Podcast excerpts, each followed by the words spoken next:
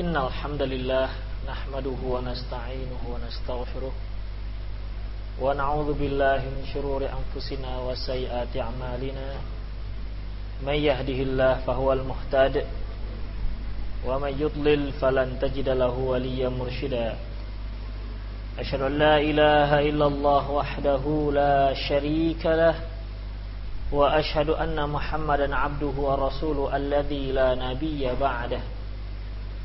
وقال الله سبحانه وتعالى يا أيها الذين آمنوا اتقوا الله حق تقاته ولا تموتن إلا وأنتم مسلمون.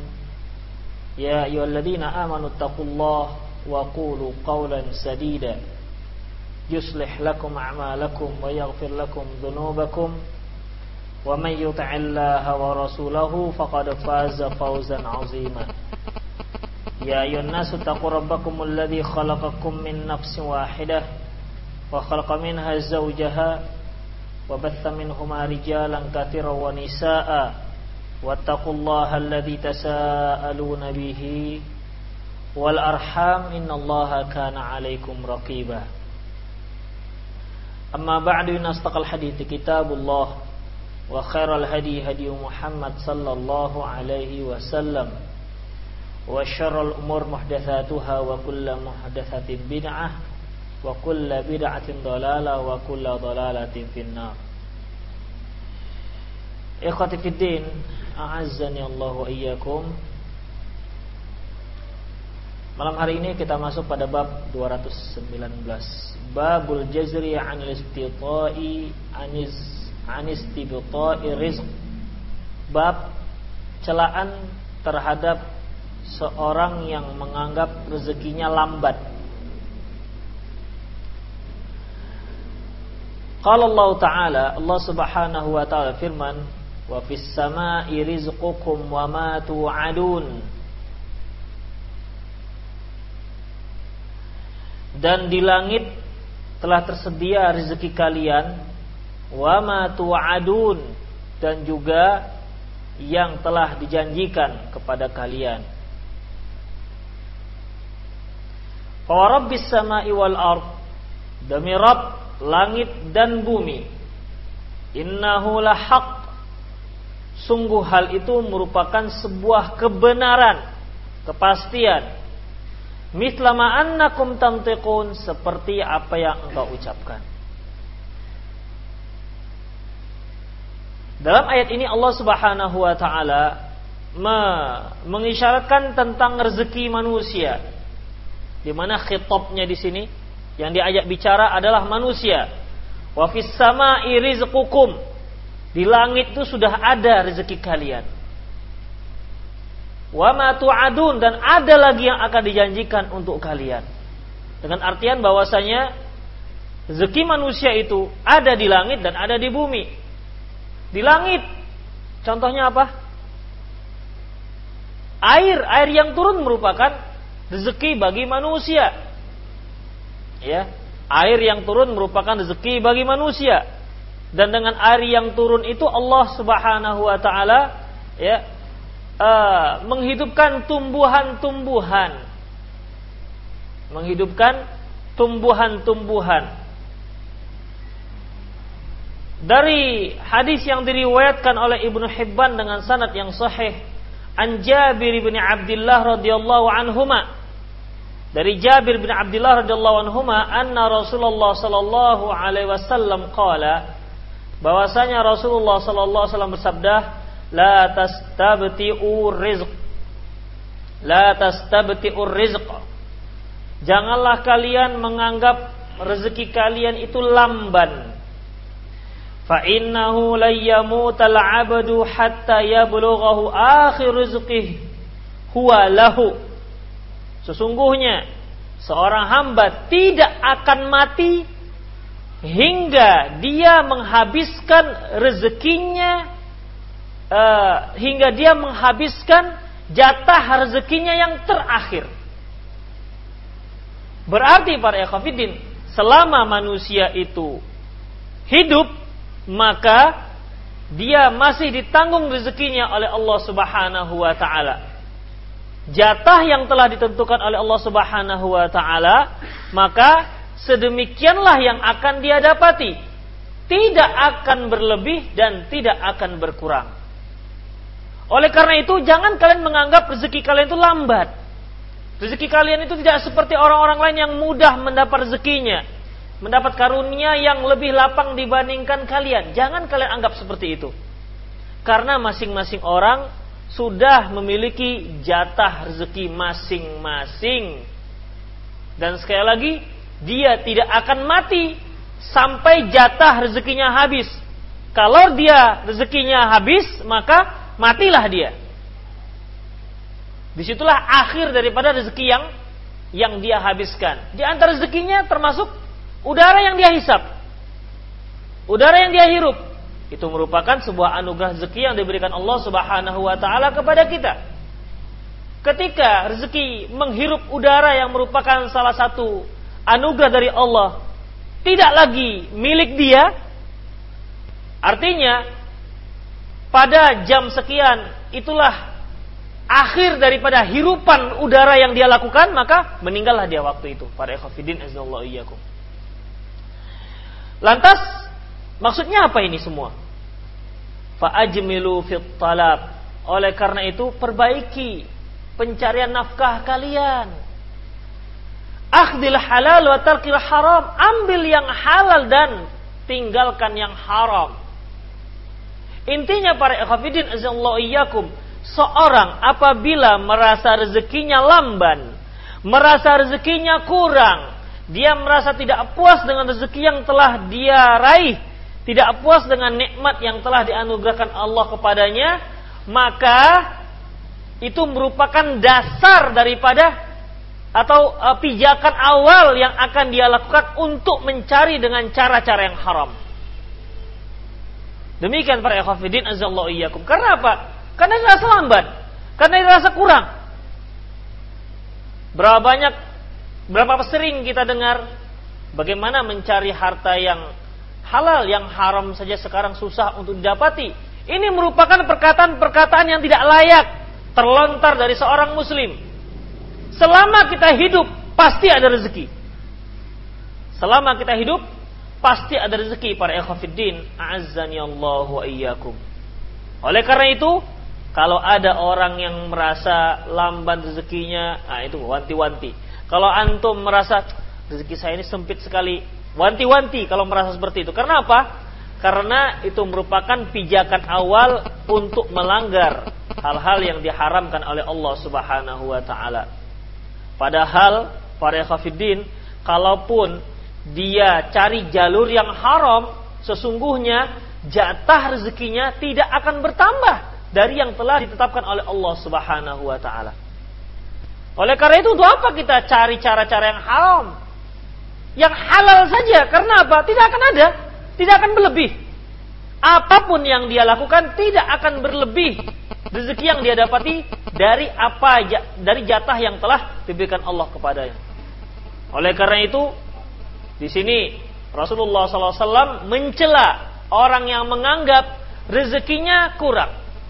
Rezekinya kurang, dikit-dikit kurang. Perasaannya selalu kurang para kafirin. Fa'ajmilu fit talab. Oleh karena itu cari dengan cara yang halal. Perbaiki cara pencarian nafkah kalian. Jangan sekali-sekali mencari dengan cara-cara yang haram. Akhdil halal wa talqil haram ambil dengan cara yang halal dan tinggalkan yang haram.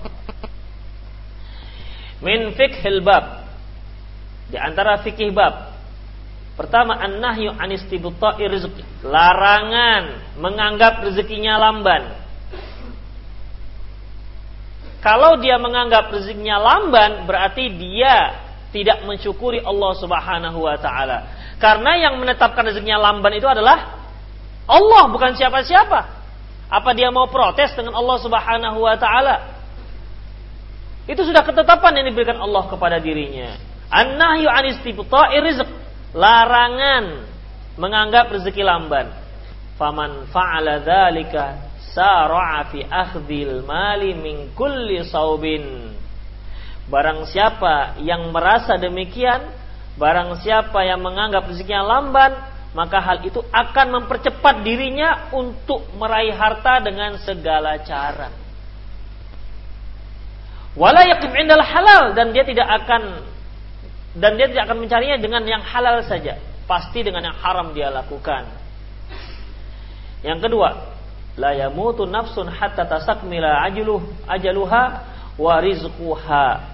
Tidak akan mati seseorang hingga hingga sempurna ajalnya dan sempurna rezekinya. Artinya hingga selesai titik akhir ajalnya dan titik akhir rezekinya. Demikian para khafidin azallahu iyyakum. Kalau ada yang mengatakan, tapi Pak Ustadz, ada orang yang melakukan mencari rezekinya dengan cara yang halal. Dan ternyata rezekinya itu ke apa namanya e, kondisinya tetap saja miskin atau istilah orang Jawa kondisi tetap saja blangsat katanya miskin terus tapi setelah dia beralih sedikit dengan cara yang haram mulailah ekonominya naik mulai beli ini beli itu dan seterusnya. Jadi ini bagaimana? Para khafiddin azani Allah wa iyyakum. Ketahuilah ya ketahuilah Barang siapa yang mencari rezeki dengan cara yang haram dan ternyata rezekinya itu bertambah dan terlihat ekonominya membaik menurut dia, pasti rezekinya tersebut terputus dari barokah. Berapa banyak orang yang gajinya bulanan, income-nya bulanan itu sudah puluhan juta, namun merasa resah, merasa tetap tidak cukup ini berarti apa? Karena tidak barokah. Berapa banyak orang yang mudah dapat uang? Mudah sekali dapat uang, tapi dengan cara yang haram. Coba tanya ke dia, ke mana uang yang dia kumpulkan? Akan pergi begitu saja. Mudah dapatnya, mudah keluarnya. Tidak berkah. Merasa apa yang saya kumpulkan? Setahu saya rezeki saya banyak, tapi mana dia? dia tetap merasa tidak puas, merasa kurang. Ini berarti ya tidak berkah. Walaupun nilai nominalnya terlihat banyak namun tidak berkah. Inilah yang ketiga, yang bagi alal abdi ayya'khudha bil asbab. Hanya saja para ekhofiddin memang bahwasanya rezeki seorang hamba itu sudah ditetapkan oleh Allah. Bukan berarti kita ongkang-ongkang kaki tidak berusaha mencarinya. Kemudian wala yatlubu ma indallahi illa bima syara Allah bi taatih. Dan janganlah seorang meminta, mencari apa yang ada di sisi Allah. Rezeki kita itu kan dari Allah. Janganlah seseorang mencari rezeki, mencari sesuatu apa yang ada di sisi Allah dengan cara yang tidak disyariatkan. Jadi carilah anugerah dari Allah itu dengan cara yang disyariatkan dan dengan cara mentaatinya para ikhwatiddin azanallahu iyyakum. Ada orang yang susah, kita lihat dia susah. Serba sederhana. Tapi bisa bisa saja dia lebih gembira, lebih tenang ketimbang kita yang sudah memiliki uh, simpanan sekian miliar misalnya. Bisa saja seperti itu para ikhwatiddin. Ya. Berapa banyak orang yang kaya raya ya uangnya dia hambur-hamburkan, dia foya-foyakan, dia pergunakan untuk hal-hal yang jelas tidak disyariatkan. Habis begitu saja. Padahal setiap yang dia dapati akan ditanya, dari mana kamu dapati ini uang? Kemudian dia hambur-hamburkan, dia habiskan uang itu juga akan ditanya, ke mana kamu kamu selesaikan, kamu habiskan uangmu ini. Bukan artinya selesai begitu saja setelah dia hambur-hamburkan. Berarti perhitungannya para ikhwafidin tambah tambah banyak. Makanya para sahabat yang kaya raya pada zaman Rasulullah SAW, dia mendapatkan rezekinya dari yang halal dan menginfakkannya dari untuk jalan Allah Subhanahu wa taala. Oke, dia dapati dengan cara yang halal. Kemudian dia selesaikan ataupun dia lenyapkan atau dia pergunakan ke jalan apa? Ini juga akan dipertanyakan. Oleh karena itu, cari rezeki yang halal. ya, cari rezeki yang, yang, yang rezeki yang halal. Yang penting berkah dan banyak. Kalau nggak dapat berkah dan secukupnya juga nggak apa-apa. Itu artinya kita itu berusaha, berusaha untuk mendapatkan rezeki yang secukupnya dan dan yang banyak. Agar apa? Nah, tentunya tujuan kita bukan untuk berbangga-bangga, tetapi banyak hal yang bisa kita lakukan dengan rezeki yang yang melimpah yang diberikan Allah Subhanahu wa taala kepada kita. Banyak hal. Mungkin Anda masih ingat kisah orang-orang miskin yang mengadu kepada Rasulullah sallallahu alaihi wasallam.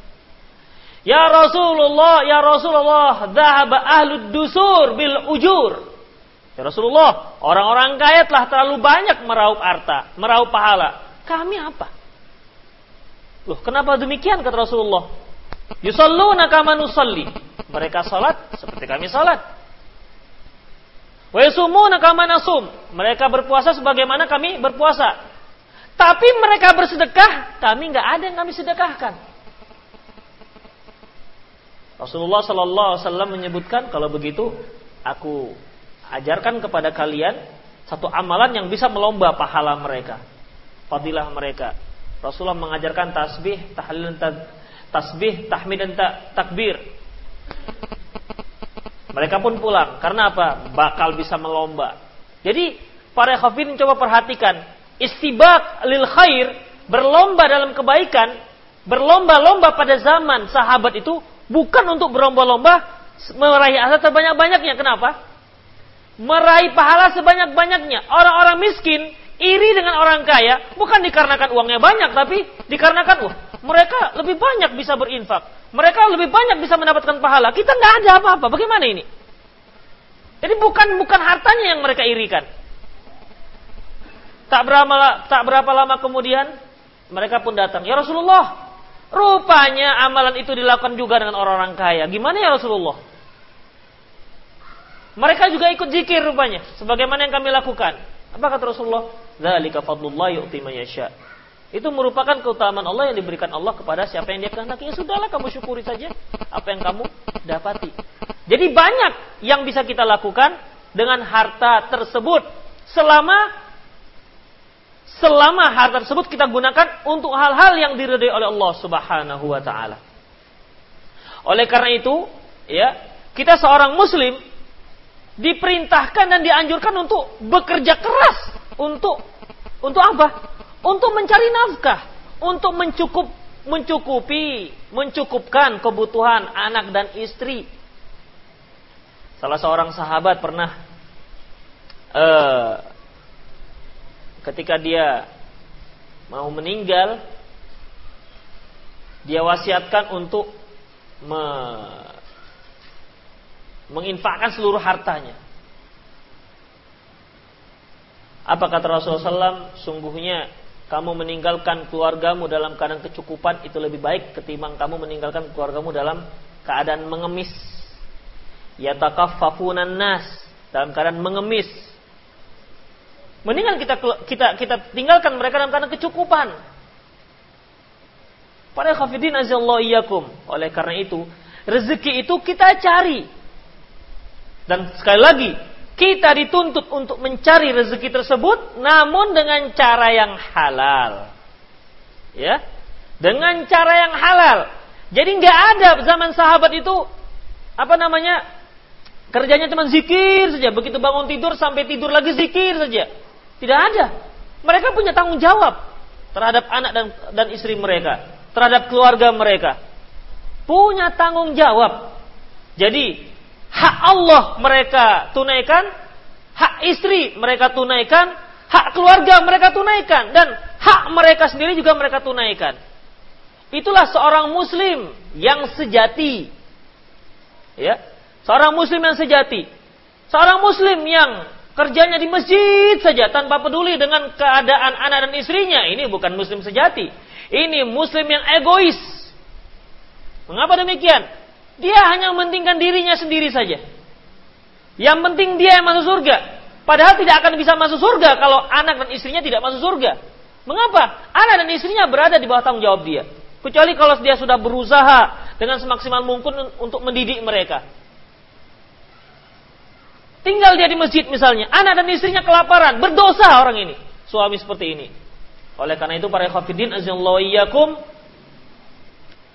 wa yanbaghi 'ala 'abdi ay ya'khudha bil asbab.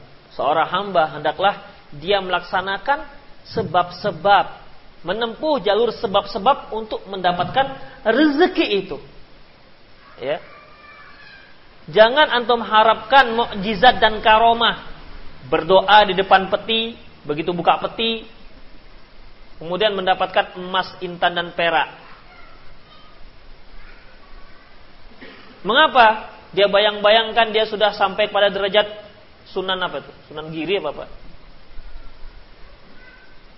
Yang buah rimbang dijadikan emas itu.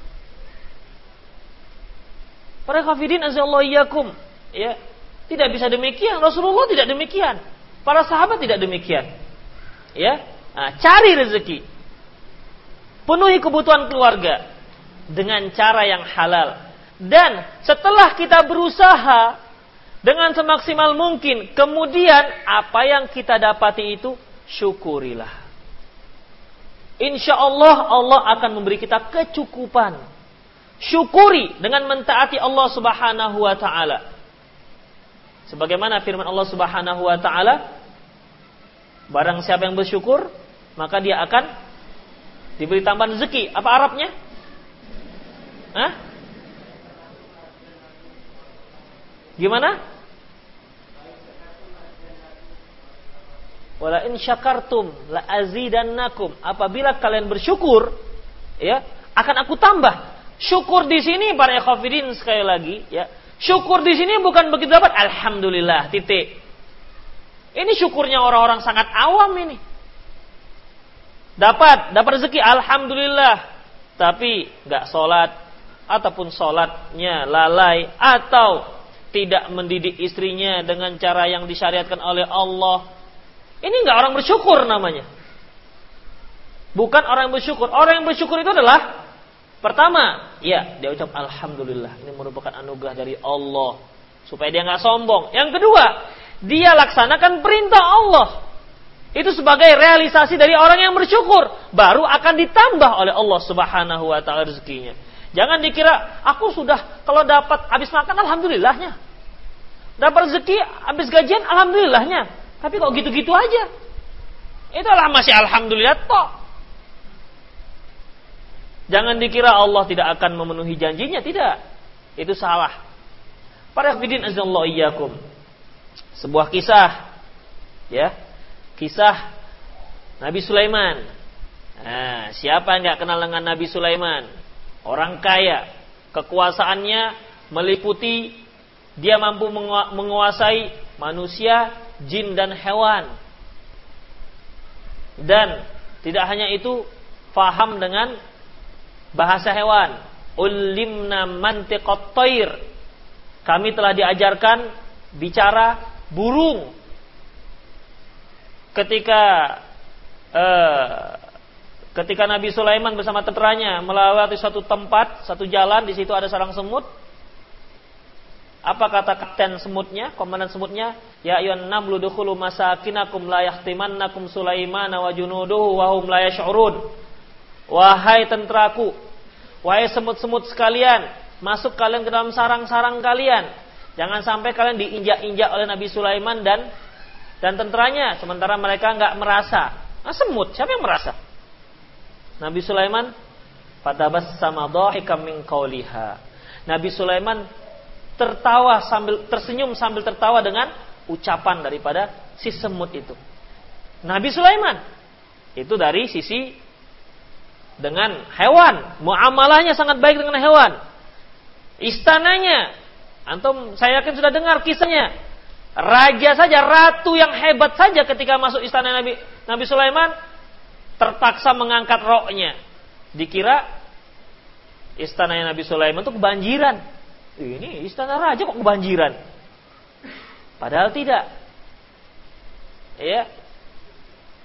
Ketika dikatakan kepada Ratu Balkis, qila laha dakhulis sarh.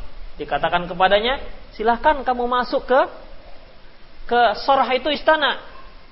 Falamma ra'athu hasibat hulujatan wa kasyafat an Ketika dia masuk dia lihat, ini banjir ini. Ya, ada air, istana ada air. Istana diisi air. Karena disuruh masuk, wa kasyafat an Kemudian ratu itu pun mengangkat roknya sehingga terlihat kedua betisnya. Berarti orang dulu pakai baju panjang. Orang kafir dulu pakai baju panjang. Ya. Ratu Balkis dan masyarakatnya penyembah matahari di negeri Sabah. Pakaian mereka bagaimana? Pakaian panjang, rok panjang. Kalau seandainya pakai rok mini, kan nggak perlu diangkat-angkat, udah nampak, bukan betisnya, pahanya pun nampak. Demikian para ikhwatiddin. Wa kasyafat an Dan terlihatlah kedua betisnya. Kata Nabi Sulaiman, "Enggak usah, enggak turun, turunkan, turunkan, turun. Turunkan." Qala innahu sarhum mumarrad min qawarir. Ini istana terbuat dari kaca. Terbuat dari kaca. Demikian para ikhwatiddin. Hebatnya Nabi Sulaiman. Ya. Nah, dalam satu kisah ketika Nabi Sulaiman minta supaya istananya singgah sananya atau Balkis supaya dibawa oleh mereka dari negeri Sabak ke Palestina. Negeri Sabak itu ke Yaman, di Yaman. Sabak di Yaman, kerajaan Nabi Sulaiman di Palestina. Ya, di Palestina. Kata Nabi Sulaiman, siapa yang bisa mengangkat, membawa singgah sana atau, atau Sabak atau Balkis ke ke Palestina, ke depan saya ini? Siapa yang bisa? Mengapa kok uh, singgah sananya? Karena singgah sananya itu kebanggaan kebanggaan kerajaan Sabak. Kalau boleh saya katakan untuk Sumatera Utara itu Menara Tirtanadi misalnya. Untuk Jakarta Monasnya. Ada kebanggaan-kebanggaan. Kalau Inggris Eiffelnya misalnya. Kalau Mesir piramidanya begitu. Ada kebanggaan yang apa namanya yang sangat dibanggakan oleh masyarakatnya. Bawa itu. Supaya tahu mereka bahwasanya mereka nggak ada apa-apanya. Sudahlah kafir nggak ada apa-apanya lagi. Begitu maksudnya. Untuk menghinakan mereka supaya mereka itu bersyukur kepada supaya mereka taubat dan jangan merasa bangga kali. Apa yang mereka dapati itu belum ada apa-apanya dibandingkan yang diberikan Allah kepada kita kata Nabi Sulaiman. Ya, wa ma atani Allahu khairum mimma atahum. Apa yang telah diberikan Allah kepadaku lebih baik daripada apa yang diberikan Allah kepada mereka. Namun kami bertauhid menyembah Allah. Seharusnya mereka tuh ya tahu diri gitulah kira-kira. Nah, setelah terlihat ada singgasana yang di yang dibawa oleh seorang yang memiliki ilmu dari kitab, qala ladzi ilmu minal kitabi ana atika bi qabla yartadda tarfuk. Aku akan bawa dia Nabi Sulaiman ya sebelum matamu berkedip. Falamma ra'athu falamma ra'ahu mustaqirran 'indahu qala hadza min fadli rabbi. Ketika Nabi Sulaiman melihat singgasana itu ada di hadapannya, sebentar saja, tep, begitu sekedip sampai coba. Teknologi mana yang bisa sekarang melakukan hal itu?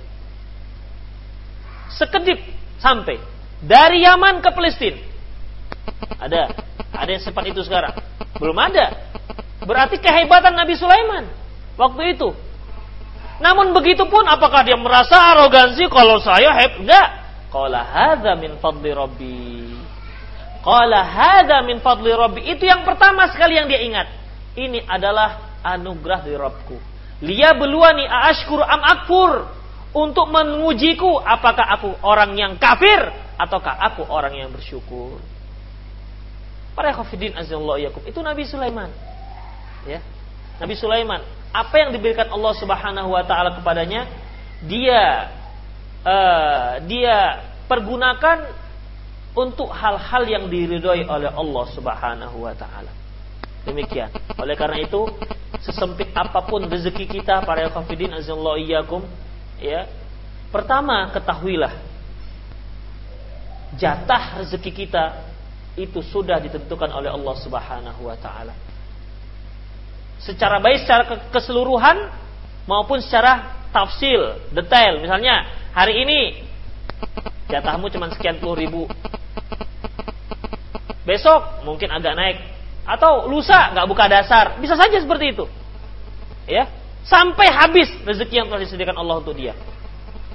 Berapapun rezeki yang diberikan Allah Subhanahu wa taala pada kita yang pertama, akhdul asbab, berusaha mencarinya.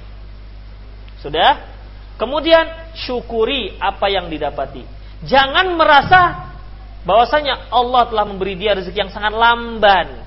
Kalau sudah merasa itu berarti akan merasa sesuatu yang kurang puas, kurang puas dengan apa yang telah didapati. Maka dia akan mencari hal-hal dengan cara yang dengan cara yang diharamkan oleh Allah Subhanahu wa taala. Jual bakso sudah puluhan tahun. 20 tahun jual bakso gitu-gitu saja. Akhirnya cari alternatif lain. Jual apa? Jual ganja. Nah, ternyata Allah ridho dengan saya. Jual ganja baru Allah beri saya rezeki. Begitu pun alasannya. Kalau Allah nggak ridho berarti Allah kan nggak beri rezeki kepada saya. Ini karena Allah ridho lah maka Allah beri rezeki kepada saya. Nah, begitu. Ini macam subhat para dukun. Seandainya Allah nggak ridho dengan dukun, tentu Allah sudah musnahkan ilmu perdukunan. Ini malah sekarang berkembang. Iya, itu tandanya Allah tuh ridho. Nah, begitu. Yang aneh-aneh aja. Nanti iblis juga begitu. Tandanya kalau kafir tuh bagus. Mengapa? Buktinya Allah masih membuat orang kafir ada sampai akhir zaman.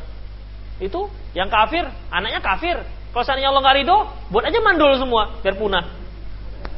Yang kafir mandul, dah begitu kan selesai. Nah demikian. Apa berarti Allah ridho kan enggak? Demikian. Itu sudah apa namanya sunatullahnya begitu, hukum alamnya begitu. Ada demikian para ikhwatiddin azallahu iyyakum. Sekali lagi jangan merasa lambat. Usaha saja, usaha dan syukuri. Insya Allah, kalaupun sedikit yang kita dapati, kita akan merasa itu berkah ketika kita mensyukurinya. Berkah dan kita merasa puas, ya. Kita merasa puas apa yang kita dapati. Kemudian 220 Babul jazir ani ihsa'i sadaqah Bab celaan terhadap orang yang menghitung-hitung sedekah yang dia keluarkan. Kalau mau sedekah, Duitnya ada yang ungu, biru, apalagi merah, ada yang biru yang sudah lecek, itu dia uang seribu. Ada lagi yang lain terus sampai yang receh. Kalau mau sedekah, yang paling limit paling ujung, misalnya terlalu menghitung-hitung untuk sedekah. Celaan orang yang terlalu menghitung-hitung untuk sedekah. Hadis yang diriwayatkan oleh Imam Abi Daud dan Imam Nasai dengan sanad yang sahih dari Aisyah radhiyallahu anha qalat dia berkata jaa sa'il datang seorang pengemis fa amarat lahu Aisyah bi syai'in lantas uh, Aisyah radhiyallahu anha memerintahkan agar memberikan sesuatu kepada si pengemis falamma kharajat falamma kharajatil khadim da'atha ketika si pembantu yang disuruh Aisyah untuk memberikan apa sedekah tadi keluar, da'atha. Aisyah me, me, memanggilnya. Jadi Aisyah menyuruh pembantunya untuk memberi sedekah kepada untuk memberi sedekah kepada si pengemis yang minta-minta. Ketika si khadim tadi mengambil sesuatu untuk disedekahkan, Aisyah memanggil khadim tadi, pembantu tadi. Eh, tunggu sebentar. Kemudian fanadharat ilaihi. Maka Aisyah pun melihat apa yang seberapa yang diberikan oleh si khadim kepada si si pengemis. Seberapa banyak yang diberikan si pembantu kepada si pengemis. Faqala Rasulullah sallallahu alaihi wasallam. Lantas Rasulullah berkata kepada Aisyah, "Ma tukhrijina syai'an illa bi'ilmik?" Apakah sesuatu yang kamu sedekah harus kamu tahu berapa jumlahnya? Qalat inilah alamu. Kata Aisyah, ya aku tahu. Faqala laha Rasulullah Lantas Rasulullah berkata, La tuhsi fayuhsillahu alika. Jangan kamu menghitung-hitung sedekah yang kamu berikan. Maka Allah akan menghitung-hitung juga rezeki yang akan diberikan kepadamu. Ya kita memang begitu-begitu saja rezeki kita ya karena kita bersedekah juga hitung-hitung. Hitung begitu. Kan jarang kita bersedekah ambil dompet, tutup mata. Jarang. Kenapa? Takut salah ambil. Paling kalau sudah jelas seribu-seribu semua baru mantap begitu. Tahu dia paling dua ribu isinya. Para khafidin azallahu iyyakum. Oleh karena itu tidak dibolehkan. Ya, kalau berapa triliun berikan saja sudah. Jangan dihitung-hitung. Nanti makan sekian, sekian, sebulan sekian. Oh, oh. kesimpulannya 2000 infaknya. Hitung-hitungnya ketat sekali. Tidak dibolehkan para khafidin azallahu iyyakum, ya. La tuhsi fayuhsillahu alaika. Jangan kamu menghitung-hitung sedekah yang kamu keluarkan. Allah akan menghitung-hitung juga. Ya. Allah juga akan berhitung dengan rezeki yang akan diberikan Allah kepadamu. Min fikhil bab. Di antara fikih bab. Pertama yaitu an-nahyu 'anil ihsa'i khasyal faqr. Larangan menghitung-hitung sedekah karena takut miskin. Para khafidin sekali saya tegaskan, sekali lagi saya tegaskan bahwasanya belum ada sejarah orang yang jatuh miskin karena bersedekah. Belum ada. Sampai sekarang.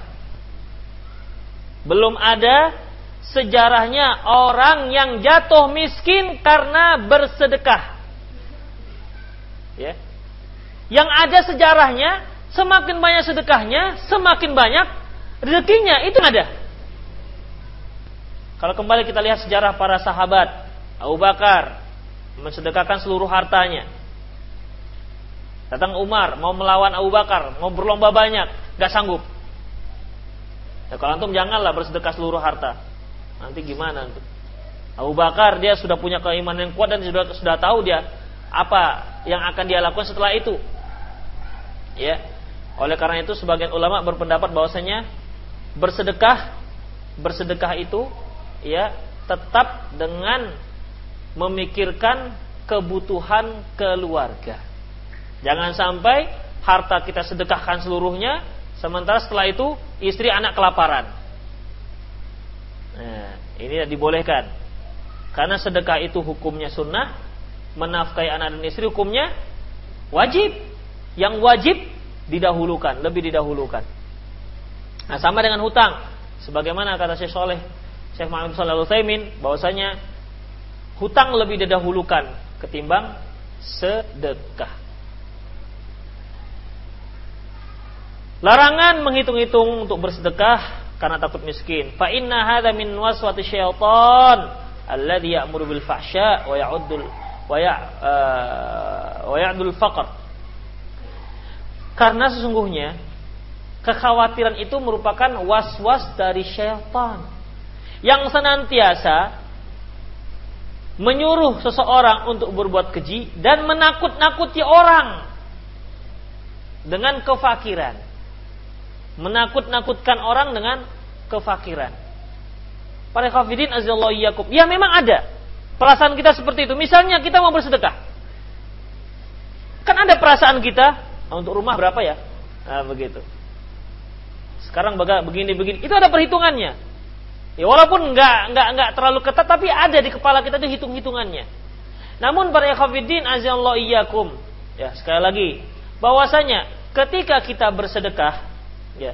Ketika kita bersedekah, kalau kita tidak menghitungnya, maka Allah juga akan tidak menghitung rezeki yang akan dia limpahkan kepada kita. Itulah intinya para kafirin azanallahu wa iyyakum. Ya kadang-kadang kita pun sudah banyak lebihnya, tapi tetap saja menghitung-hitung. Karena apa? Nanti butuh ini, butuh ini, butuh ini. Seolah-olah Allah Subhanahu wa taala tidak lagi akan memberikan rezekinya. Uh, Ma yunfiquna fi sabilillahi kamathali habbatin ambatat sab'a sanabila fi kulli mi'atu.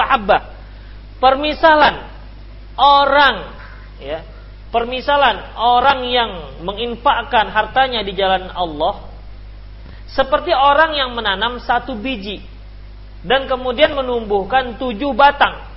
Setiap satu batang menumbuhkan seratus biji. Berarti satu biji menumbuhkan tujuh ratus. Itu dia. Kita ikhlaskan kepada Allah Subhanahu wa taala, ya, insyaallah rezeki akan semakin semakin melimpah para ikhwatiddin azallahu iyyakum. Terkadang kita berinfak, ah, besok seandainya nggak buka dasar gimana? Sementara ini stok kita untuk tiga hari. Besok ya kalau buka dasar, kalau enggak, akhirnya dengan was-was seperti itu, kita pun akhirnya menghitung-hitung sedekah. Padahal besok itu belum tentu juga kalau kita nggak bersedekah lantas besok ada dapat rezeki. Enggak juga. Itu semua para khafidin tergantung dengan bagaimana ketawakalan kita kepada Allah Subhanahu wa taala, ketakwaan kita kepada Allah Subhanahu wa taala. Wa may yattaqillaha yaj'al lahu makhraja wa yarzuqhu min haitsu la. Barang siapa yang bertakwa kepada Allah, maka akan diberi jalan keluar dan akan diberikan rezeki dari arah yang tidak dia duga-duga. Yang kedua, man anfaqa fi sabilillahi bighairi hisab, razaqahullahu bighairi hisab. Barang siapa yang berinfak menafkahkan hartanya di jalan Allah dengan tanpa hitung-hitung, maka Allah juga akan memberi rezeki dengan tanpa hitung-hitung. Luar biasa. Pernyataan yang luar biasa, pelaksanaan yang masih serem. Ya, masih hitung-hitung. Yang ketiga, ihsa'un nafaqati yuqallilu rizq. Menghitung-hitung nafkah, menghitung-hitung sedekah itu bisa membuat rezeki menjadi sedikit. Karena Allah akan menghitung-hitung juga. Kamu hitung-hitung, nah kita pun hitung-hitung juga. Nah, udah cukup hari ini kamu udah 10 ribu aja. Kamu juga berhinfak hitung-hitung. Demikian. Menghitung-hitung nafkah, sedekah akan menyedikitkan rezeki biqat il barokah dengan terputusnya berkah. Wa in kana kathiran wafiran walaupun rezekinya banyak. Nah, saya ulangi yang ketiga ini penting sekali. Karena orang mengira bahwasanya kalau sudah banyak berarti bagus. Kalau sudah banyak rezeki yang diberikan Allah kepadanya berarti Allah sudah memuliakan dia, belum tentu. Menghitung-hitung sedekah yang diberikan itu akan membuat rezeki semakin sempit, semakin sedikit dan dapat membuat terputusnya berkah walaupun secara nominal uangnya banyak. Mengapa demikian? Perasaannya menganggap itu masih sedikit, dikit saja. Kurang aja apa yang diberikan Allah. Tidak pernah puas dengan apa yang didapati. Itulah manusia para ikhwan Karena apa? Karena tadi pelit, bakhil, kedekut, kikir dan lain-lain. Jadi intinya bab ini adalah bab dilarangnya menghitung-hitung sedekah yang diberikan.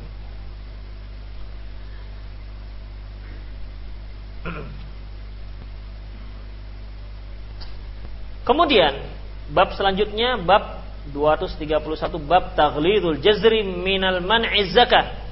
Bab celaan yang keras terhadap orang yang tidak menunaikan zakat.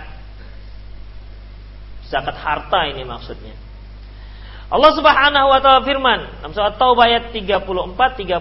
Walladzina yakniduna dzahaba wal fiddata wa la yunfiquna fi sabilillah. Dan orang-orang yang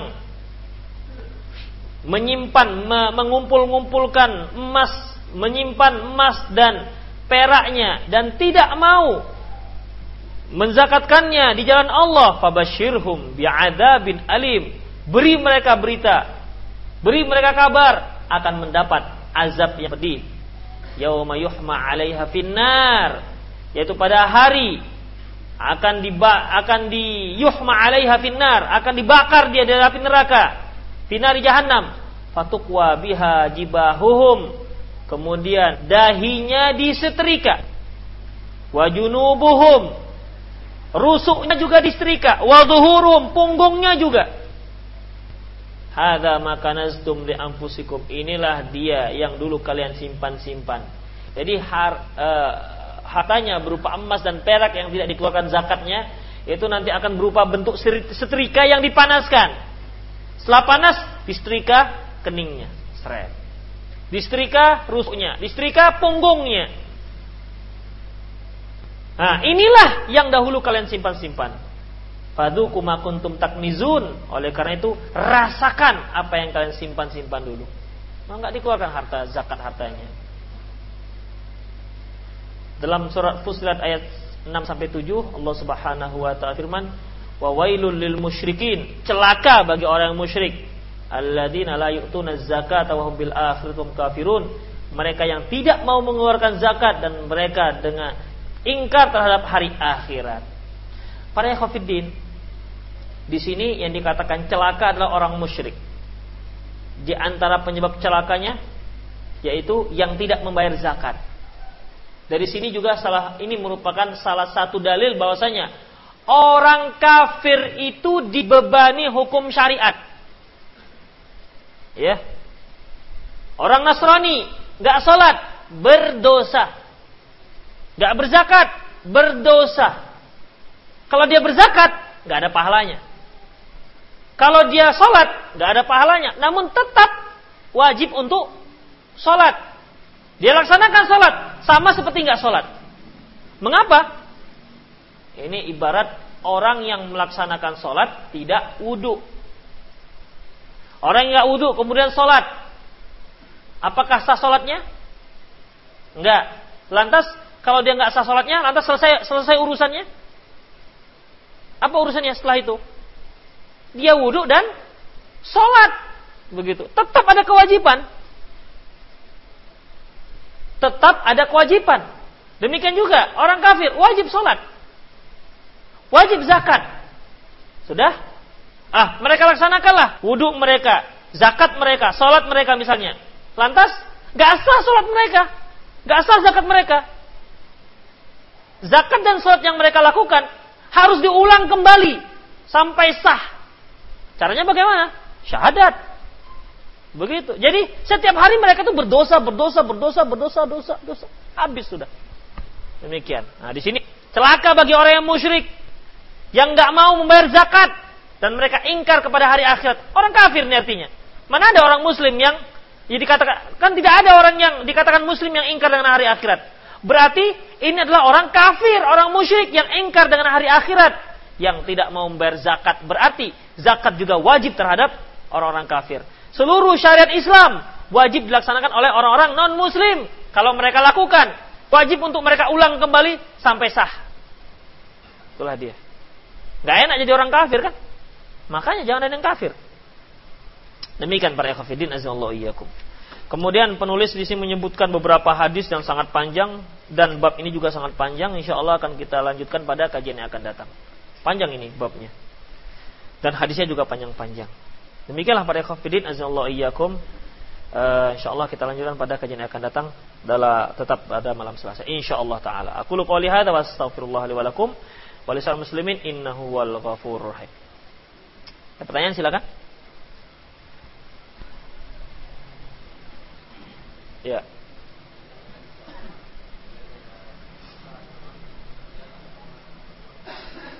Adakah nilai seseorang dia dia sedekah tapi nggak sholat, nggak puasa nggak sholat? Uh, pada Khafidin, kalau seorang nggak sholat, apalagi nggak sholat sama sekali, itu sudah sepakat para ulama bahwasanya dia itu kafir. Nggak sholat sama sekali ya, kafir. Dan kalau seorang pemerintah, hakim, imam melihat ada rakyatnya nggak sholat, dia itu harus diancam. Kamu sholat atau kami bunuh. Itu harus diberikan kepadanya. Misalnya dia sholatnya cuman maghrib dengan isya.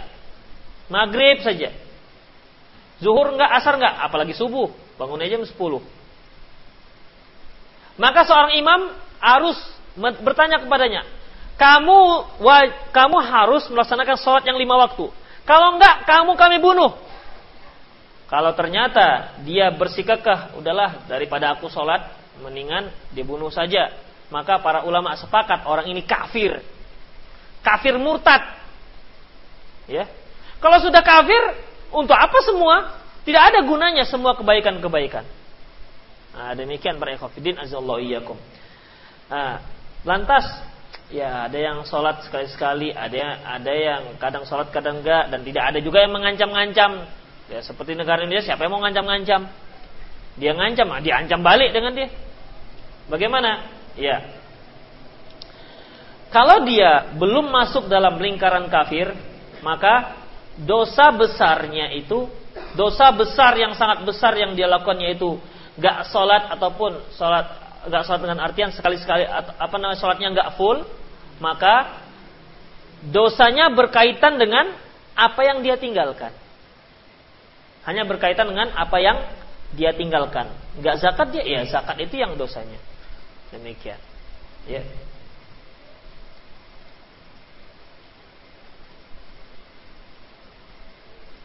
Kalau dulu waktu masih kecil saya ikut ngaji di ustadz-ustadz itu, orang yang puasa tapi nggak sholat, ibarat orang yang pakai tali pinggang tapi nggak pakai celana. Pakai tali pinggang tapi nggak pakai celana. Itu ibarat-ibarat saja. Ustadz, adakah dalam Islam istilah mati suri? Mati suri. Mati tapi surinya aja. Suri itu apa? Mati sementara. Uh, sebenarnya ini harus ada definisi daripada ahli medis mati suri itu bagaimana. Ya. Dikatakan mati suri itu bagaimana? Apakah pingsan dikatakan mati suri? Di dalam Islam para khafidin manusia itu ada dua saja kendangnya, masih hidup atau sudah mati. Itu aja. Masih hidup atau sudah mati nggak ada yang dimatikan kemudian hidupkan lagi. Nggak ada.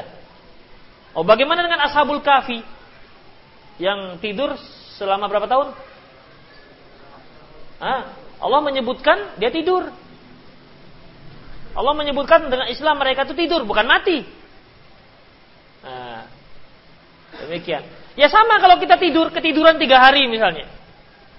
Saking capeknya ketiduran tiga hari. Ya ibarat itulah. Dia belum dikatakan mati, tapi tidur. Demikian ya, para hafidin iyyakum. Kecuali itu hukum dasar. Kecuali ada hal-hal yang memang sengaja dihidupkan Allah Subhanahu wa taala kembali setelah dia mati. Misalnya apa? Siapa yang ingat sejarahnya? Hah? Siapa? Ah, keledai. Di surah Al-Baqarah ketika seseorang melintasi suatu tempat yang sudah hancur hancur dan sudah bermatian orangnya apa namanya? Dia berkata, "Kaifa yuhillahu ba'da mautiha?" Bagaimana? Bagaimana Allah menghidupkan setelah begini, setelah matinya? Fa'amatahu Allahu mi'ata am. Nah, Allah menyebutkan dia mati. Lantas Allah mematikan dia selama 100 tahun. Thumma ba'asah. Kemudian Allah menghidupkan kembali. Qala kabistum. Ditanyakan, eh, kamu sudah berapa lama tinggal? Qala bisna yauman au ba'da yaum. Kami tidur paling hanya satu hari dua, satu atau dua hari. Yauman au ba'da yaum, satu atau setengah hari. Begitu perasaan dia. Qala bal labista mi'ata am. Enggak, kamu sudah tinggal sini 100 tahun. Tapi perasaannya masih baru satu hati atau setengah hari. Buktinya apa? Pandur ila himarika wa ta'amika lam yatasanna. Coba kamu lihat itu. Laki-laki tadi itu dia melihat kampung yang sudah hancur lebur, bermatian orang, dia katakan bagaimana cara Allah mematikannya, menghidupkannya kembali, kemudian Allah mematikannya dan dia waktu itu bersama dia, dia bawa bahan makanan dan bawa keledai. Jadi ketika Allah menghidupkan dia kembali setelah 100 tahun, kamu lihat tuh keledai. Keledaimu sudah jadi tulang belulang. Nah, makananmu sudah sudah membusuk. Ya sudah habis pun 100 tahun. Kemudian Allah apa namanya dengan kekuasaannya menghidupkan kembali keledai. Ya. Tulang belulang bersatu, kemudian summanaksuha lahma, kemudian dibungkus dengan dengan daging di mata kepala orang tadi itu. Gimana Allah menghidupkan kawasan seperti ini? Ternyata Allah matikannya dihidupkan lagi dan diperlihatkan bagaimana Allah menghidupkan keledai. Coba bayangkan tulang-tulang menyatu-nyatu, ekornya udah ke mana-mana kan begitu, menyatu kemudian diri kemudian di apa namanya di, di dibungkus dengan dengan daging. Coba anda bisa bayangkan lagi mana itu. Nah, tuh begitu caranya mudah saja. Nah, demikian. Nah, pada intinya, pada Khafidin, eh, yang hukum asalnya orang itu kalau nggak mati ya hidup, kalau nggak hidup ya mati. Demikian ya. Dan orang yang tadi pun ketika dia dimatikan Allah, dia tidak mengalami peristiwa alam barzah. Berarti istimewa tidak seperti yang mati-mati yang lain. Dia merasa perasaannya ngapain? Tidur. Kalau seandainya dia mati, kemudian sebagaimana yang lain-lainnya merasakan alam barzah, tanya mereka marah buka. Tentu jawabannya tidak lagi berapa lama kamu tidur? Satu hari, dua hari, nggak gitu lagi. Rasanya sudah mati kan begitu. Nah, demikian.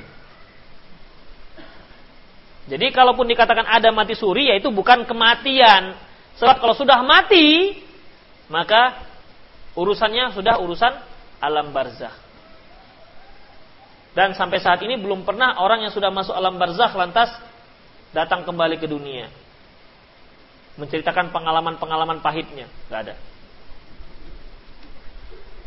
Ustadz bagaimana hukum azan dan ikomat bagi sholat yang terluput dari waktunya dan bagaimana jika dikerjakan sendirian?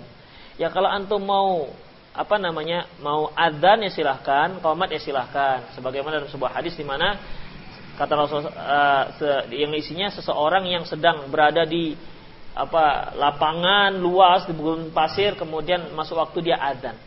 Silahkan nggak apa-apa. Ustaz, apakah boleh bila seorang imam di masjid ini dia mensirkan bacaan bismillah di masjid lain, dia menjaharkan. Boleh para ikhwatiddin, ya. Boleh, terkadang dia jaharkan, terkadang dia sirkan. Ini merupakan salah satu at-taufik mengkompromikan hadis, kedua hadis yang disebutkan oleh Syekh Mashhur bin Salman dalam kitabnya Qaulul Mubin.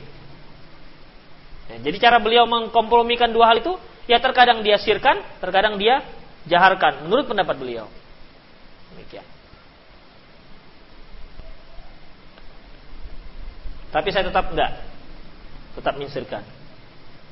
Karena dengan melaksanakan dengan tidak mensirkan berarti sudah otomatis melaksanakan dua hadis sekaligus. Ya, melaksanakan dua hadis sekaligus. Kalau ini berarti terkadang mengamalkan hadis ini, terkadang mengamalkan hadis ini. Saya mendapat kerjaan, tapi nilai nilainya menurut saya tidak sesuai. Tapi yang memberi kerjaan malah berkata, kamu syukuri aja atau kalimatnya berarti kamu tidak mensyukuri. Wah, bagaimana nih? Iya. Ya maunya seorang yang menggaji itu, memberi gaji, hendaknya yang layak. Jangan dia pakai-pakai ayat untuk supaya apa namanya karyawannya nggak nuntut gaji yang layak. Seharusnya yang mensyukuri itu, yang mengatakan mensyukuri itu bukan orang yang memberi gaji, tapi orang lain. Sering saya berikan contoh salah dalam berdalil di mana orang miskin, pengemis datang dari rumah ke rumah, dia bacakan ara'aital ladzi yukadzibu biddin. Fadzalikal ladzi yad'ul yatim wala yahuddu ala ta'amil miskin. Fawailul lil musalli. Dibacakannya ayat. Bapak tahu terjemahannya? Nah, dibacakan terjemahannya. Ini depannya orang kaya meminta-minta dia. Ngemis. Tahukah kamu? Ara'aital ladzi Tahukah kamu orang yang mendustakan agama? Fadzalikal ladzi yad'ul yatim. Yang menyia-nyiakan anak yatim. Wala yahuddu ala ta'amil miskin. Tidak mau memberi makan fakir miskin. Dia goni itu beras. Pak, Bapak mau jadi pendusta agama atau ngisi goni ini? Itu kan memeras namanya. Salah, salah pakai. Nanti bapak yang kaya itu diminta, dia bacakan hadis. Qala Rasulullah sallallahu alaihi wasallam. Kan begitu. Rasulullah bersabda, "Lebih baik kamu turun naik gunung mencari kayu bakar, lantas kamu jual. Dari itu lebih baik ketimbang kamu mengemis meminta-minta. Udah, kamu pergi sana ke Gunung Sibaya. Cari kayu bakar, bak, kemudian jual. Itu lebih baik daripada kamu begini. Gimana? Kan terbalik sudah. Seharusnya alladzi yukadzibu bidin itu untuk orang yang bersedekah. Kemudian hadis itu untuk orang yang yang mengemis sehingga tidak ada pengemis. Tidak ada, tidak ada konsep dalam Islam mengemis, hidup mengemis. Islam itu memberantas pengemis. Memberantas hidup mengemis. Namun tetap saja mengemis, pengemis tidak akan bisa di, diberantas. Mengapa? Karena ada dalam ayat. Kalau nggak ada pengemis, nggak laku lagi ayat. Ayat ini nggak ada lagi, ayat ini nggak laku lagi, ayat ini nggak ada. Pengemis, orang miskin tetap ada. Orang kaya tetap ada. Ya, tetap ada. Nanti pada suatu saat akan muncul zamannya di mana orang mau bersedekah, nggak ada lagi yang mau mengambil sedekahnya. Apakah berarti nggak ada orang miskin? Ada. Mungkin di, di tempat dia nggak ada gitu. Nah, demikian. Ya miskinnya kota orang penduduk kota Medan beda dengan miskinnya orang Brunei. Iya, orang Brunei miskinnya punya mobil mereka. Pemerintah mereka membuatkan rumah. Begitu. Kalau rumahnya masih rumah rumah-rumah yang sederhana, miskin orang miskin ini. Tapi mereka punya wagon, punya apa? Punya punya mobil. Itu miskinnya mereka, miskinnya orang Saudi lain lagi. Miskinnya kita, ya, blangsatlah. Nah, demikian. Ya, jadi ini salah penempatan ucapan. Ini kan artinya apa namanya? Mengkomersilkan kaul hak atau dengan istilah biasanya uh, kalimatul hak urida bihil batil. Kalimat yang benar tapi tujuannya batil. Supaya apa? Udahlah terima aja itu gaji walaupun gak sesuai dengan dengan dengan yang standar gitu. Bila ada seorang sholat sunnah ba'da isya, misalnya kemudian datang seorang memberikan isyarat untuk sholat berjamaah, dia tidak tahu orang itu sholat sunat. Bagaimana sikap keduanya dan apa hukumnya? Ya yang yang yang sholat ya biasa saja, terus saja sholat sunnahnya. Bila orang-orang awam kumpul maka pemimpinnya menyebutkan al-fatihah. Ya, al-fatihah gitu. Bukan menyebutkan al-fatihah. Itu nggak akan nggak akan ada yang membaca, tapi al-fatihah baru ada yang menyebutkan yang lain ikut. Itu ada intonasinya, ada caranya, isyarat. Tapi kalau al-fatihah nggak akan ada yang ikut. Harus al-fatihah Tuh baru. Seraya mengikuti baca membacakan surat tersebut terlebih-lebih berdoa berdoa kalimat ini sering kali muncul dari mana asal muasalnya ajarannya apa maka mereka berada seperti itu. Seraya mengikuti mengikut mengikutnya membacakan surat tersebut terlebih-lebih berdoa kalimat berdoa kalimat ini sering kali muncul dari mana asal muasal ajaran ini apakah mereka berdalil juga uh, ya karena saya nggak mengamalkan ini sebaiknya jangan tanya ke saya. Tanyakan dengan orang yang yang melaksanakannya. Paling nanti jawabannya loh masa sih nggak boleh baca al-fatihah? Nah, gitu. Masa sih nggak boleh baca al-fatihah? Paling itu jawabannya. Ya, ini ini ini sebenarnya para ekofidin tradisi ya tradisi orang Indonesia gitu. Al-fatihah ila hadratil mustafa al-fatihah khususon Al-Fatihah. Ada khususon-khususonnya itu biasanya. Siapa yang dikhususkan? Demikian. Rasulullah dikirimi Fatihah. Enggak layak Rasulullah dikirimi Fatihah. Rekafidin. Mengapa? Karena Rasulullah yang mengajarkan kita surat Al-Fatihah. Mansan sunnatan hasanatan falahu ajru wa ajru man amila biha. Barang siapa yang mengajarkan sesuatu yang baik, maka dia mendapatkan pahala jika orang yang diajarkan itu melaksanakannya. Jadi Rasulullah mengajarkan sahabat Al-Fatihah, Rasul para sahabat baca Al-Fatihah, Rasulullah dapat pahala. Sahabat mengajarkan kepada tabi'in. Sahabat dapat pahala, Rasulullah dapat pahala. Terus. Jadi jangan dikirim-kirim. Tidak usah dikirim-kirim. Kita yang butuh pahala, Rasulullah sudah sudah kebanyakan pahalanya. Nah demikian. Dan repotnya itu kadang-kadang kita merasa memang mengirim pahala, padahal nggak ada pahala yang dikirim. Kan sayang. Kalau memang mau dikirim, yang jelas-jelas saja lah begitu. Yang jelas ada ada jelas pahalanya. Mengapa yang dikirim itu yang nggak jelas ada pahalanya? Kan sama seperti antum punya tiga amplop yang mau dikirim. Mau dikirim ke misalnya ke orang tua satu juta. Ini amplop tiga ini. Spekulasi, udahlah ambil salah satu kirimkan tanpa lihat-lihat apa isinya. Ada isi apa enggak? Kan spekulasi namanya. Nah, demikian. Sedangkan yang tidak spekulasi saja entah iya atau enggak, entah diterima atau enggak, apa yang nggak jelas ada pahalanya atau tidak. Demikian. Habis ya para kafirin nggak ada yang lain? Habis? Nah, demikianlah para kafirin azallahu iyyakum. Ya. Zikir 10 kali apa itu? Subhanallah. Ah.